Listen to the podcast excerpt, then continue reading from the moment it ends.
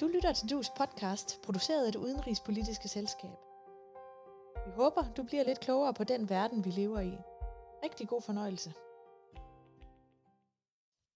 Joe Biden er USA's præsident og er i fuld gang med at føre amerikanerne tilbage til det internationale samarbejde.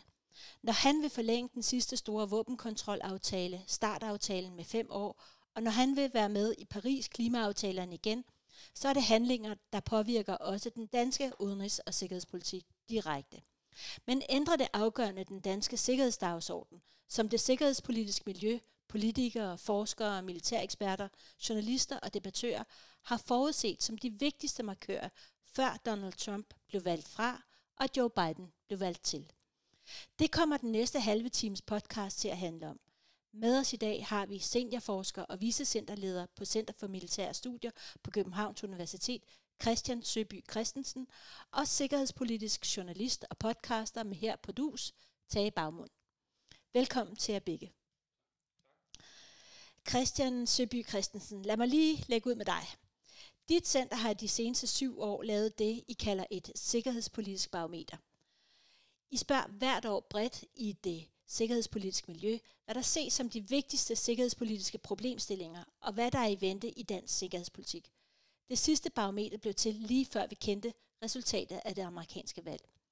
Siden 2016, året hvor Donald Trump blev valgt, og året hvor Storbritannien vedtog at melde sig ud af EU, har jeres barometer år for år vist, at USA og Storbritannien mister tiltrækningskraft som sikkerhedspolitiske ledere for Danmark mens andre europæiske lande, som for eksempel Tyskland, vinder frem.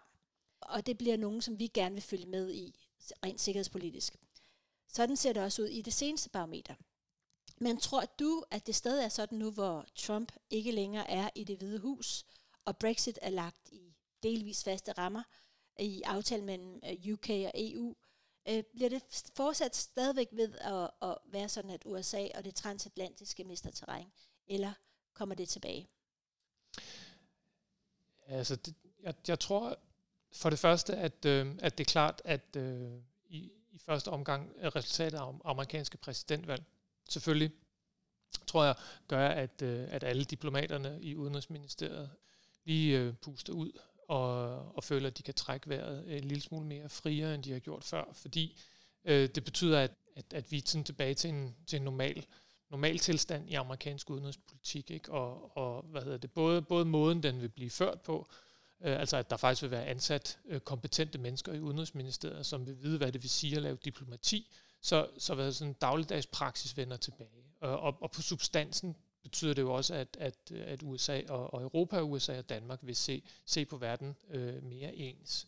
Så, så på den måde, så, så tror jeg, at, at der vil være mere, hvad skal man sige, øh, øh, tryghed ved at følge øh, USA og følge en amerikansk dagsorden. I hvert fald, fald på kort sigt. Ikke? Og, og glæden ved, ved, ved, ved, ved Biden er jo, er, er, jo, er jo stor. Men, men jeg tror samtidig, så, så vil, ved hvad hedder det, øh, den grundlæggende bekymring over, at, at konsensus øh, omkring USA's rolle i verden, indrigspolitisk i USA, er så skrøbelig.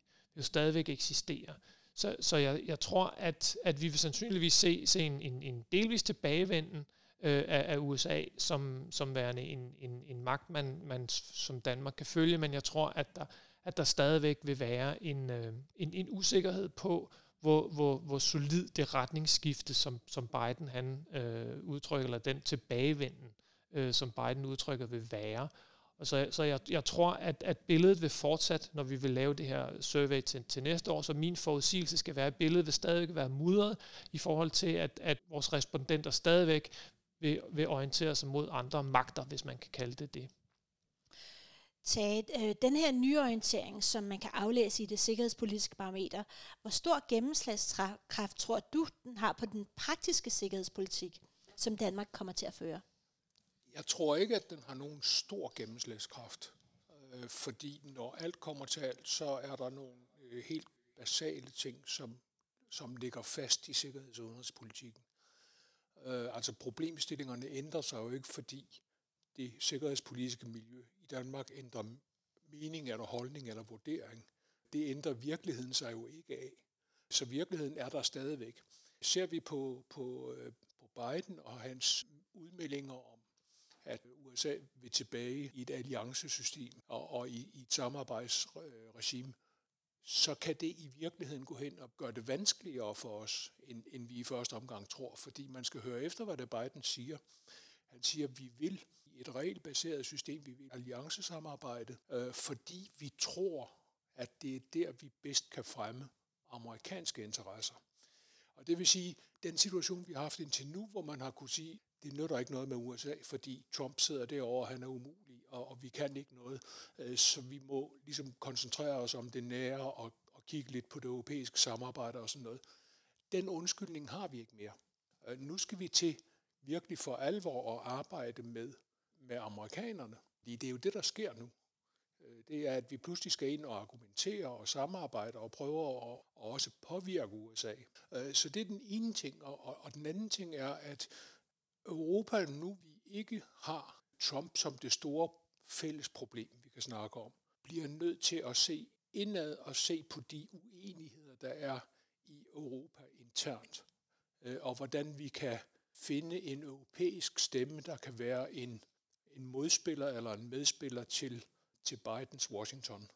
Øh, og det vil sige, at vi skal igen til at spekulere i sådan noget som et europæisk ben i NATO, eller øh, nogle af de der kategorier, som vi tænkte i før. Med andre ord, nu hvor Biden kommer og engagerer sig og engagerer USA igen, så skal vi i arbejdstøjet. Men kan man ikke også sige, at vi har øh, et tysk sikkerhedspolitisk perspektiv, og så har vi et fransk sikkerhedspolitisk perspektiv, altså hvor det tyske er meget den her, jamen vi samarbejder med Rusland, vi samarbejder med Kina, vi, altså meget mere det her med man har fokus på, det skal man sige, det handelspolitiske styre meget det tyske sikkerhedspolitiske syn. Og så er der det franske, som er meget mere, når vi skal engagere os ude i verden, øh, et aktivistisk tænkning, som Macron meget repræsenterer. Og er, er det noget, I har undersøgt i jeres barometer? Altså, vi har jo ikke, vi har jo ikke direkte spurgt ind til, øh, til de, de to europæiske lande, hvordan respondenterne vurderer deres udenrigspolitik, men man kan sige, den graf, som vi meget snakker om, hvor sige, de, respondenternes glæde ved de angelsaksiske lande, altså USA og Storbritannien, den er faldende, og der er så en, en, en stigende øh, interesse for at, at lægge mærke til hvad, eller følge øh, en tysk eller en fransk linje. Begge lande er sådan set stigende, og du, du peger jo i forlængelse af det Tage sagde, rigtig fint på, hvad der er den helt store udfordring, det er, at de to landes udenrigspolitik er fundamentalt forskellige. Ikke?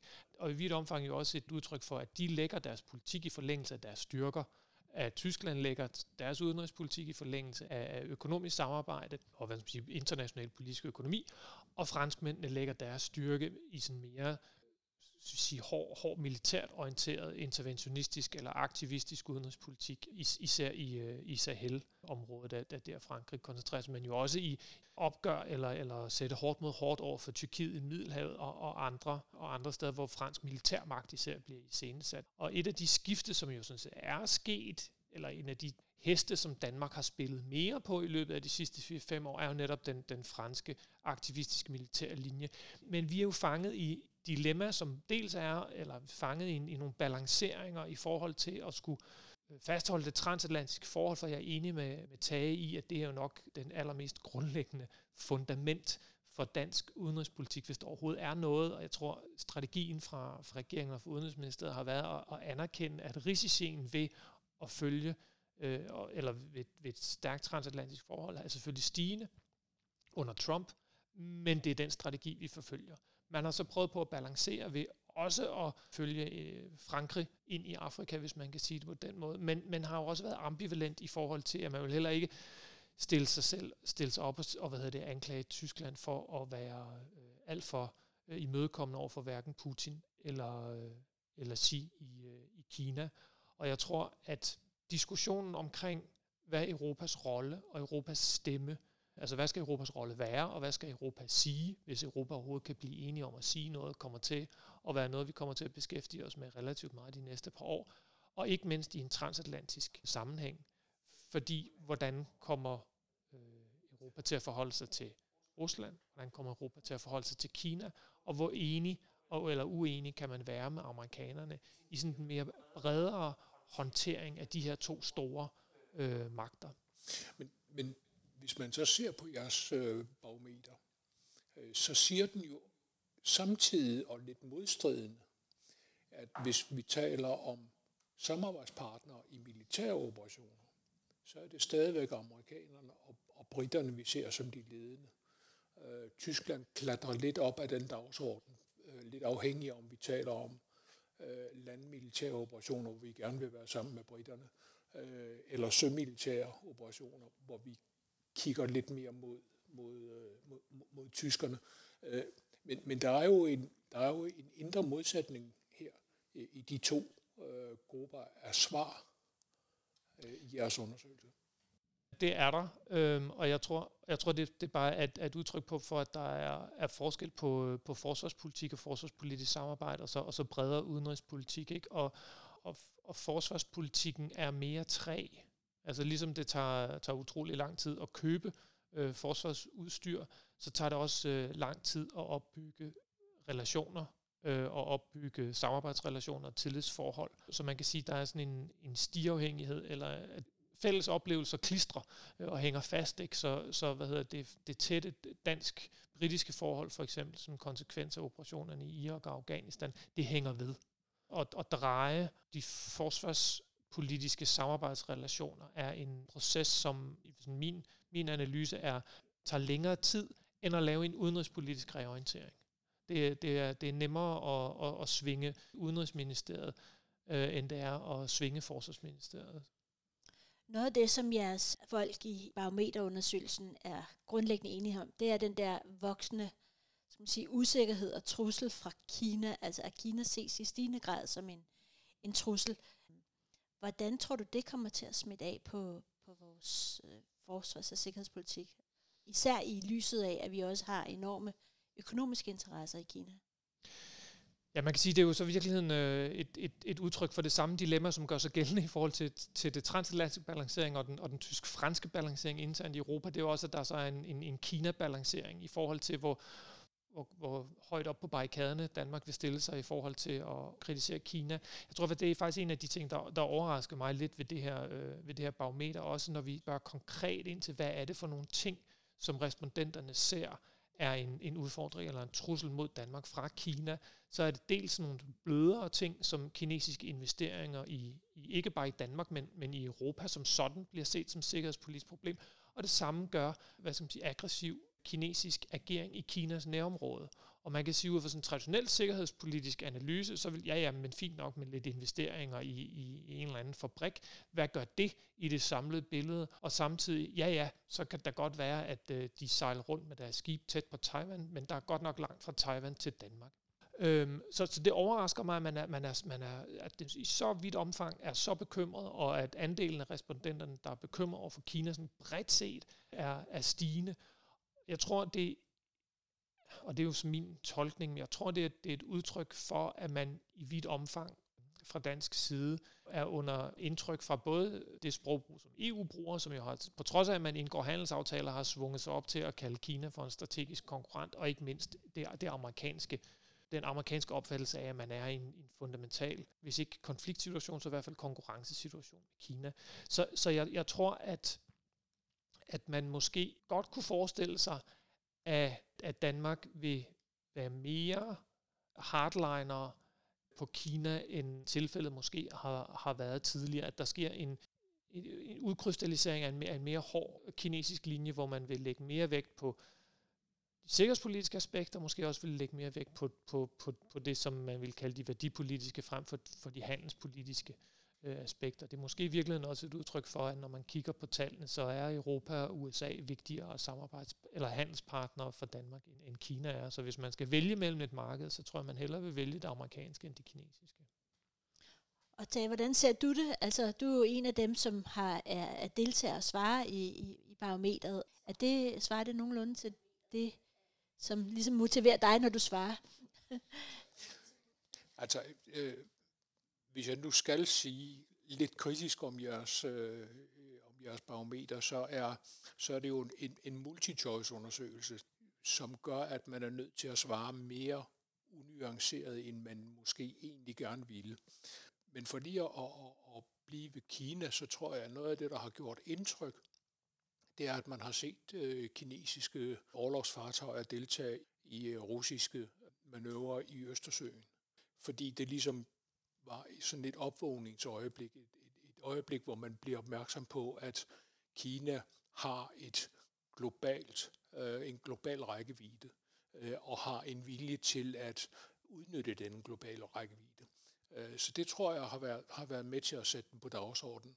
Og så selvfølgelig nervøsiteten for industrispionage og for indtrængen i vores privatliv og øh, hele diskussionen om, om øh, den, nye, øh, nye generations øh, netværk og hvorvidt man skulle bruge øh, kinesisk teknologi eller ej.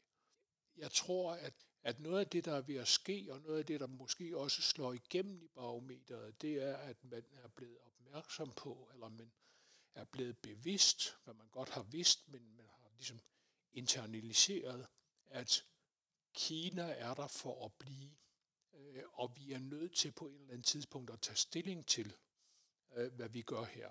Under, under hele Trump-perioden har vi jo været bekymrede for, at han rev alle våbenkontrolregimer og sådan noget øh, i stykker. Og lige nu er alle lykkelige over, at det er lykkedes at forlænge øh, New Start-aftalen, øh, den, den øh, aftalen om de strategiske atomvåben.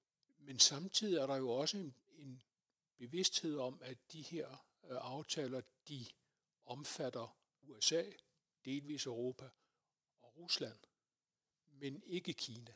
Og man kan se på nogle af de anbefalinger, der ligger nu til, hvad man skal bruge de fem år, øh, som, som udsættelsen af, eller forlængelsen af New Start øh, betyder, hvad man skal bruge dem til.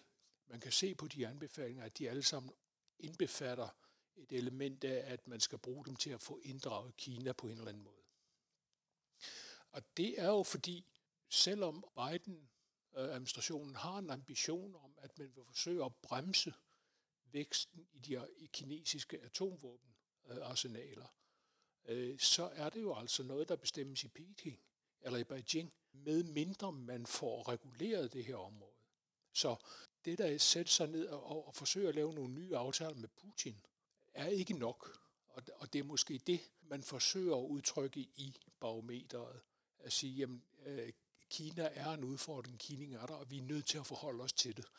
Øh, og vi er nødt til at forholde os til det inden for en ramme, hvor vi tager deres øh, ambitioner alvorligt, øh, så vi kan få det her reguleret i tide, øh, frem for at vi, som det var tilfældet med det gamle Sovjetunionen, skal op i, i, i det der fuldstændig vanvittige niveau, hvor man kunne udslette hele jorden en 12-14 gange på hver side, øh, før man kommer i tanke om, at det er måske smart nok at, at begynde at trappe lidt ned.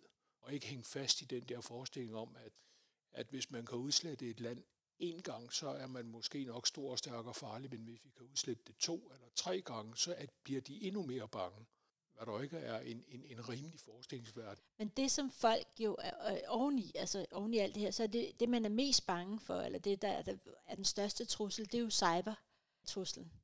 Det er det, man ser som den største, og det hænger vel også sammen med, med Kina også et eller andet sted. Det tror jeg, og, og man kan sige, stadigvæk ser man, øh, man cybertruslen. Det har jo, hvad hedder det, i en, en, en årrække været, været den, der har scoret højst på det, på det spørgsmål, der handler om, hvad man ser som, som trussel. Man kan sige, ikke engang, på trods af, at spørgeskemaundersøgelsen bliver gennemført i, i, i midten af efteråret, og vi spørger også til pandemier, øh, og ikke engang corona. Pandemien har fået, har fået pandemikategorien til at, at vokse over øh, cyber.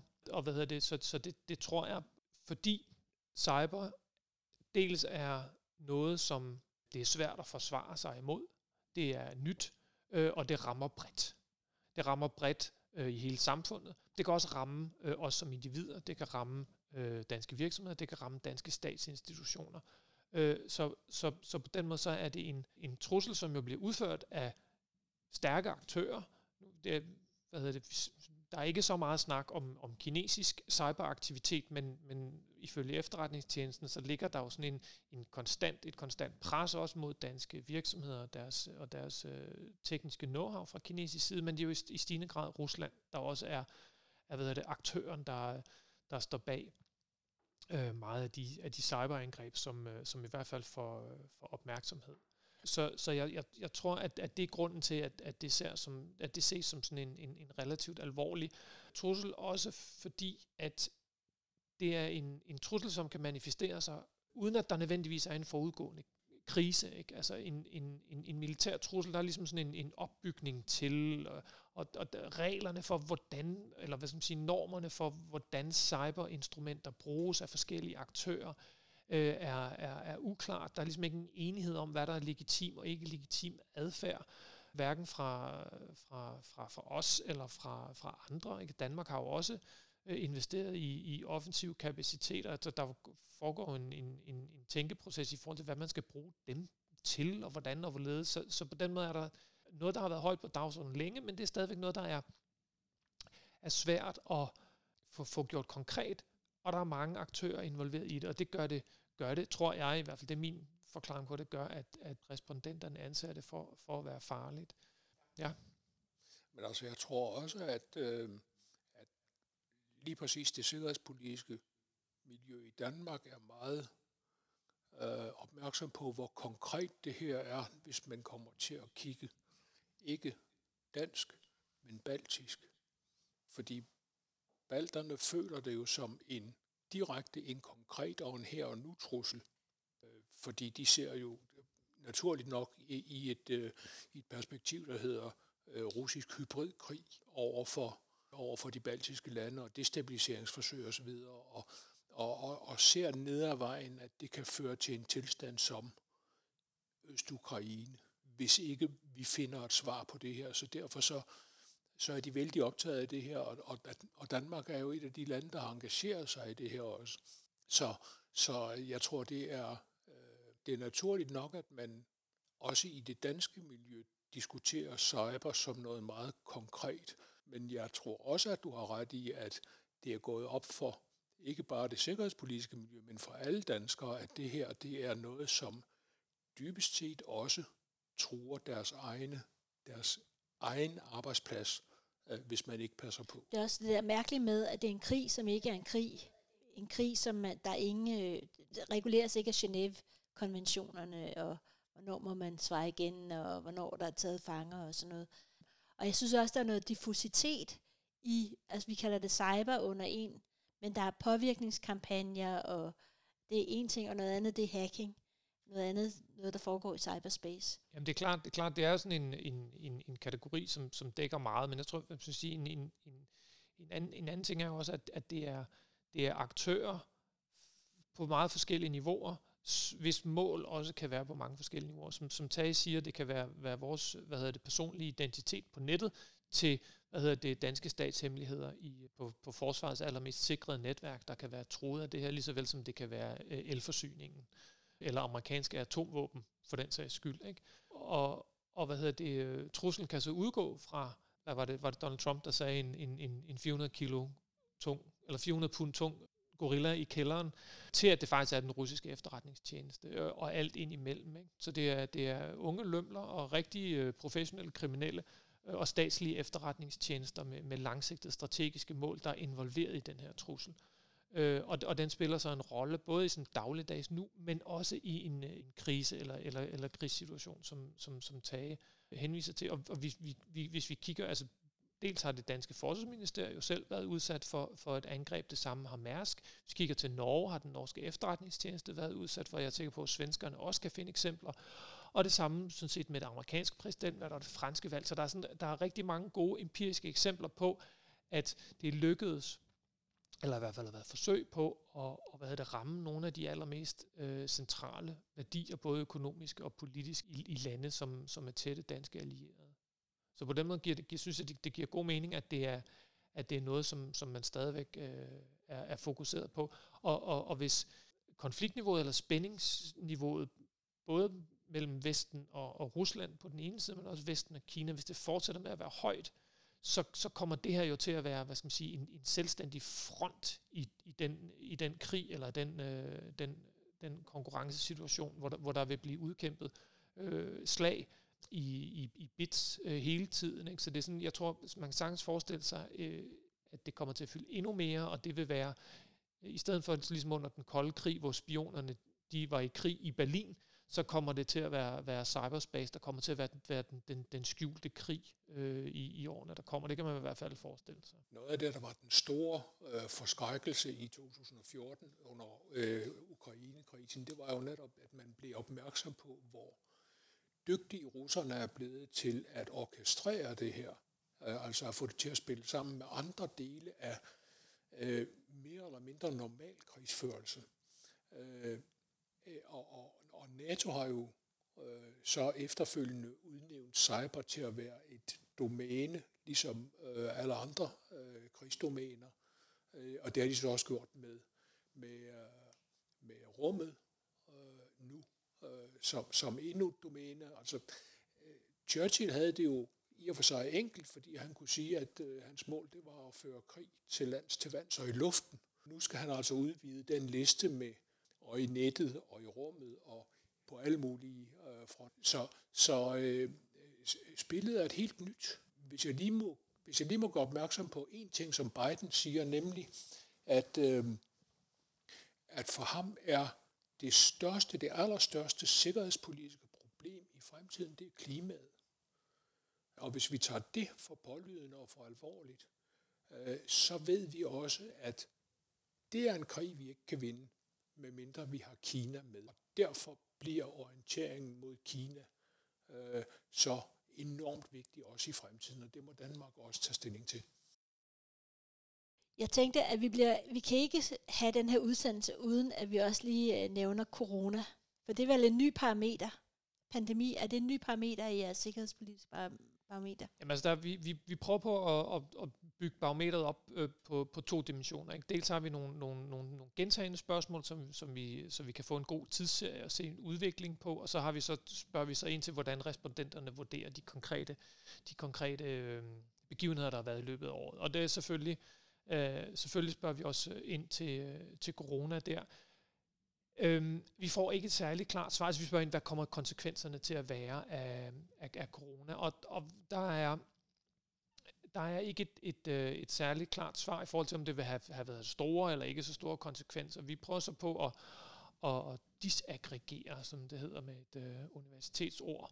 Øh, det er spørgsmålet lidt ved at spørge, hvor henne kan respondenterne så forestille sig, det at være størst sikkerhedspolitiske konsekvenser? Er det, er det mod nord, er det mod syd, er det mod øst, er det mod vest? Hvor, hvor vil det her have, have størst negative konsekvenser? Der er, når, når respondenterne skal rangere hvad skal man sige, problemkomplekserne på, øh, på sådan en, en geografisk skala, så, så er det, at det øh, i hvert fald for dem, øh, hvad hedder det, afslører nogle spændinger internt i Vesten, øh, og at det, øh, at, det, at det vil medvirke til at, at yderligere forværre øh, forholdet mellem, mellem øst og vest. Og jeg tror, respondenterne har jo i høj grad været, været under indtryk af, af hvad hedder det, den retoriske krig mellem øh, Xi og, og Trump om, øh, hvis skyld det var, at den her vaccine, den, den spredte sig. Og, og i det hele taget, så kan man jo, eller kan være som for egen regning, sige, at, at og det er der jo mange andre, der også har sagt, at, at den her pandemi har virket som sådan en, en fremkaldervæske. Ikke? Folk fremstår mere tydeligt nu, eller med deres øh, rette ansigt, eller øh, hvad hedder det, maskerne falder ligesom. Ikke? Og, og man kan sige, at det har været det, afsløret en del omkring det kinesiske regime, men det har også afsløret en del omkring øh, hvad hedder det, sammenhængskraften og sammenholdskraften øh, i, øh, i, i, i Europa og, og, og i USA. Øh, at at hvis, hvis man ser til USA som en, som en stormagt, så kan man så sige i hvert fald, at den ser ikke særlig, særlig mægtig ud i forhold til at håndtere indrigspolitiske kriser, når man kigger på, på pandemihåndteringen. Christian og Tage, tusind tak, fordi I vil øh, lægge det sikkerhedspolitiske barometer ud. Øh, vi ser frem til det næste, hvordan tingene har forandret sig, og lyt med til, til os om en måneds tid igen.